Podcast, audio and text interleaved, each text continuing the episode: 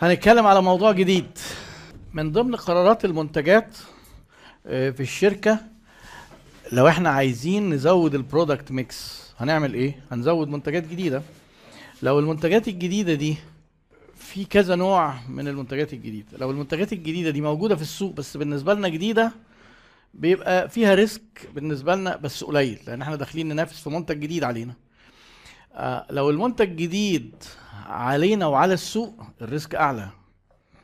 لو منتج جديد علينا وعلى السوق والعالم يعني حاجة اسمها new to the world product ده أعلى مستويات ال risk. إحنا هنتكلم على إيه؟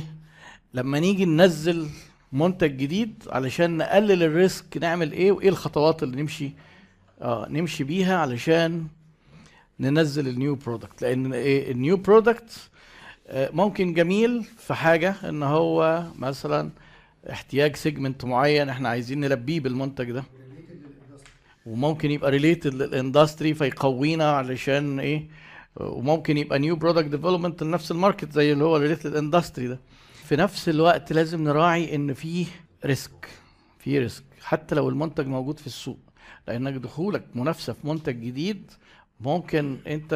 تكتشف كده إن في صعوبات ما كنتش عامل حسابك عليها. إيه بقى الخطوات اللي إحنا هنمشي بيها علشان ننزل منتج جديد؟ هم 8 خطوات. ليه بنعمل خطوات؟ علشان دايما نقلل ال risk ونسيب لنفسنا فرصة نتراجع. لو حصل مشكلة ما ندخلش. دايما اللي بيخسر الناس كتير إيه؟ تجي له فكرة المنتج؟ فكرة. يقوم داخل على ال mass production ونازل أو جايب كمية جامدة جدا استيراد وبعدين يبدأ بقى يبيع. يكتشف الإيه إن المشكلة وقتها بتبقى رجله جت بقى ودفع فلوس كتير. وهنا بقى الخطوة تسعه بتاعت الحاج طه اللي أنا قلت لكم عليه بيتدخل الحاج طه بقى بتاع الروبيكيا وبيشيل الحاجة آه بيذبح فإحنا عايزين نقلل احتياجنا للحاج طه ده بقدر الإمكان. الخطوات هي إيه؟ خطوة إن إحنا إيه المنتج الجديد وإزاي ممكن تيجي فكرة منتج جديد. دي أول حاجة نتكلم عليها ال idea generation توليد الأفكار يعني. وبعدين لما يجي الأفكار إزاي نت... ن screen الأفكار؟ إزاي نفحصها كده ونطلع أفضل فكرة ليها؟ وبعدين إزاي ن test الأفكار؟ أو إزاي نعمل test كده هل فعلا المنتج ده خصوصا لما يكون بقى منتج جديد أو كده هيبقى أخباره إيه؟ بعد ما نتست لو نجح التست بندخل على فكر على إيه؟ إن إحنا بنبدأ نحلل وندرس هل المنتج هيكسب ولا ما يكسبش. فنحسب بقى التكلفة والعائد والاستراتيجية وهنسعر كام متوقع نبيع قد إيه. آه عدينا من الخطوتين دول. نبدأ نجهز نفسنا لإنتاج المنتج بكمية لكن ما ننتجش بكمية. ده هنا بنستعد. لكن هننتج قد إيه؟ هننتج كمية test. بيسموها test marketing آه بن test لو نجح ال test marketing نبدأ ننتج بكميات بقى فعلا كبيرة ونشتغل. دول الثمان خطوات اللي هنمشي بيهم. ليه؟ لأن الدراسات بتقول الدراسات بتقول إن أغلب المنتجات 80 إلى 90 على فكرة. إن ال innovation والتطبيق التطوير risky. 80 إلى 90% من المنتجات بتفشل. فإحنا عايزين نتجنب هذا الفشل. إحنا هنا مش هنغير الإحصائية. ال slide اللي جاية أسباب فشل المنتجات الجديدة إيه؟ بس إحنا الأول خلينا نمشي في الخطوات واحدة واحدة. منين بنجيب أفكار المنتجات أو منين ممكن نفكر نزود منتج جديد في ال line؟ يبقى مصدر أول مصدر العميل. ممكن العميل يوحي لك بفكرة يقول لك إيه؟ ما تطور كذا ما تغير كذا ما تعمل لنا كذا جديد عليك. طب إيه تاني؟ آه تكنولوجيا جديدة أنت اطلعت عليها في موجودة في مكان ما مش موجودة في سوقنا فأنت عايز تطور. آه يبقى إيه متابعتك للإندستري. ممكن منافس على فكرة. ممكن منافس بره مصر أو جوه مصر عمل المنتج ده فممكن أنت عايز إيه عايز تدخل وبدأ ينجح فأنت عايز تدخل. أحيانا بيبقى ناس من جوه الشركة في ال operations يقول لك إحنا المنتج اللي بنعمله الفلاني ده لو لو غيرناه أو عملنا منتج كذا ده ممكن يتباع. أحيانا بتوع ال marketing من احتكاكهم بالعملاء والمنافسين والموزعين يبدأ هو إيه يفكر في إيه في منتج جديد. يعني أفكار بتيجي من كذا مصدر. يبقى في passion اتجاه معين. أنا بخاف من كلمة passion دي قوي بخاف من كلمة passion لأن في مسرحية كبيرة شغالة في البلد وفي العالم حكاية بقى passion و follow your passion وبعدين بتلاقي إيه بتتدبس في الآخر.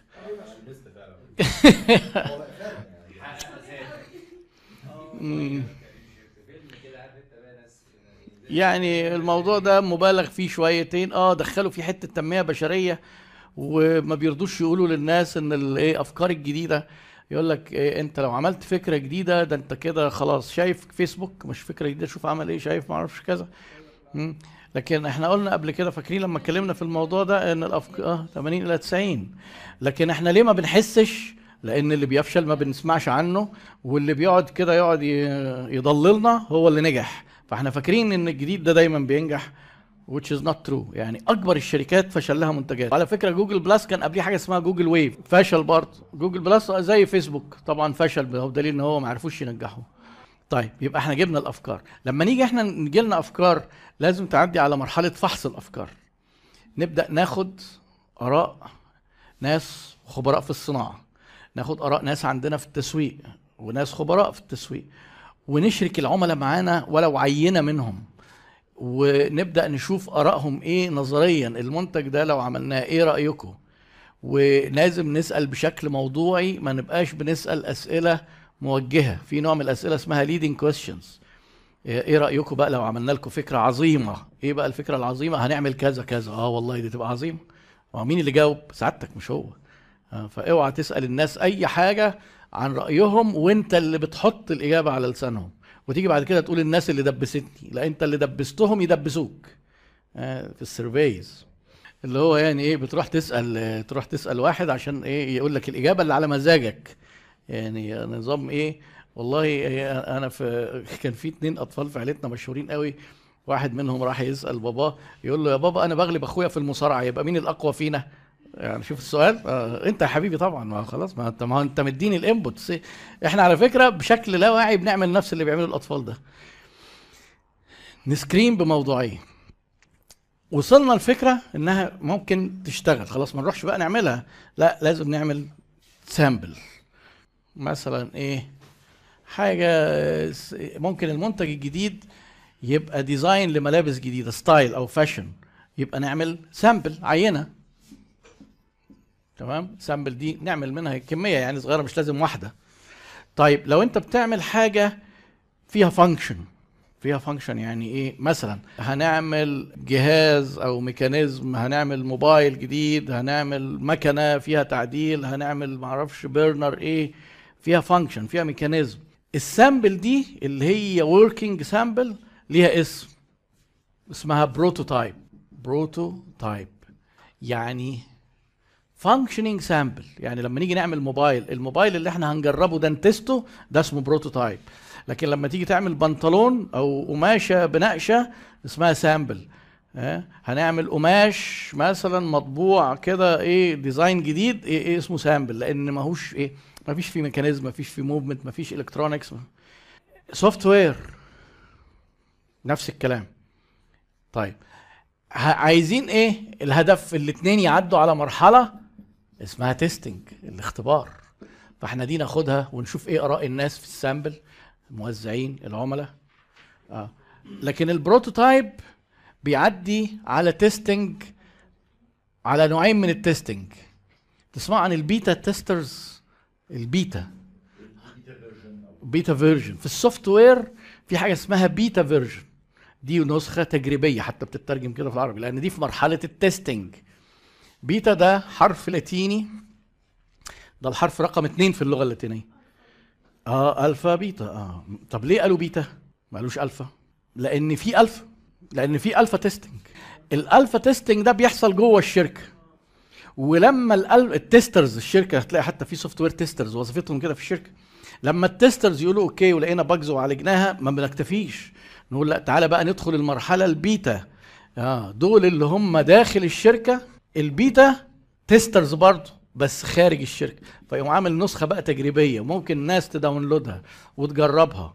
يعني الويندوز لما بتنزل بيبقى لسه في بيتا نسخة بيتا. وفي testers في جميع أنحاء العالم بيجربوها ويشتغلوا بيها وحتى مايكروسوفت بتدي لهم جوائز لأكتر حد يطلع bugs علشان لما بيعدي مرحلة البيتا دي ويبقى كمان خلاص بقى وصل يبقى stable بينزل السوق. وبيفضلوا على فكرة يعملوا testing في حاجة اسمها post market testing خلاص هو نزل السوق بس إحنا برضو بن test.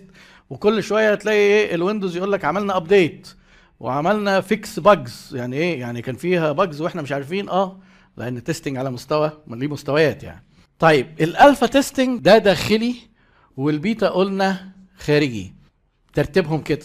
الأول داخلي وبعدين التاني خارجي. لما يعدي المرحلتين دول نبدأ نقول والله كده بقى الإصدار جديد بقى في version جديد. ال prototype برضو لو جهاز عملنا سي الموبايلات دايما الموبايلات بتعدي بالمرحلة. أول ما ايفون نزل لما ستيف جوبز كده وقف يتكلم قال يا جماعة أنا بقالي سنتين ونص بحلم باليوم ده. سنتين ونص. من أول ما كان الآيفون فكرة هو نزل بيتكلم هو إيه؟ في مرحلة خلاص commercialization فهو كان فكرة ودرسوها وعملوا prototype مهندسين جوه الشركة فحصوها وبعدين ادوها العينه بره يعملوا beta testing عدت وبعدين عملوا اسطمبات وانتجوا ال mass production ووزعوه على المحلات وبعدين جه ستيف جوبز وقف. وكل ده نوكيا قاعدة بتقول لك إيه؟ إحنا ما عملناش حاجة غلط. سنتين ونص. شوفوا بس الايه عشان وإحنا بنحلل إزاي ال new product رغم ان هو فيه risk بس ممكن product جديد يدخل يدمر شركات قديمة قائمة موجودة. عدى المرحلتين دول نبدأ بقى نعمل الايه دراسة التكلفة والعائد.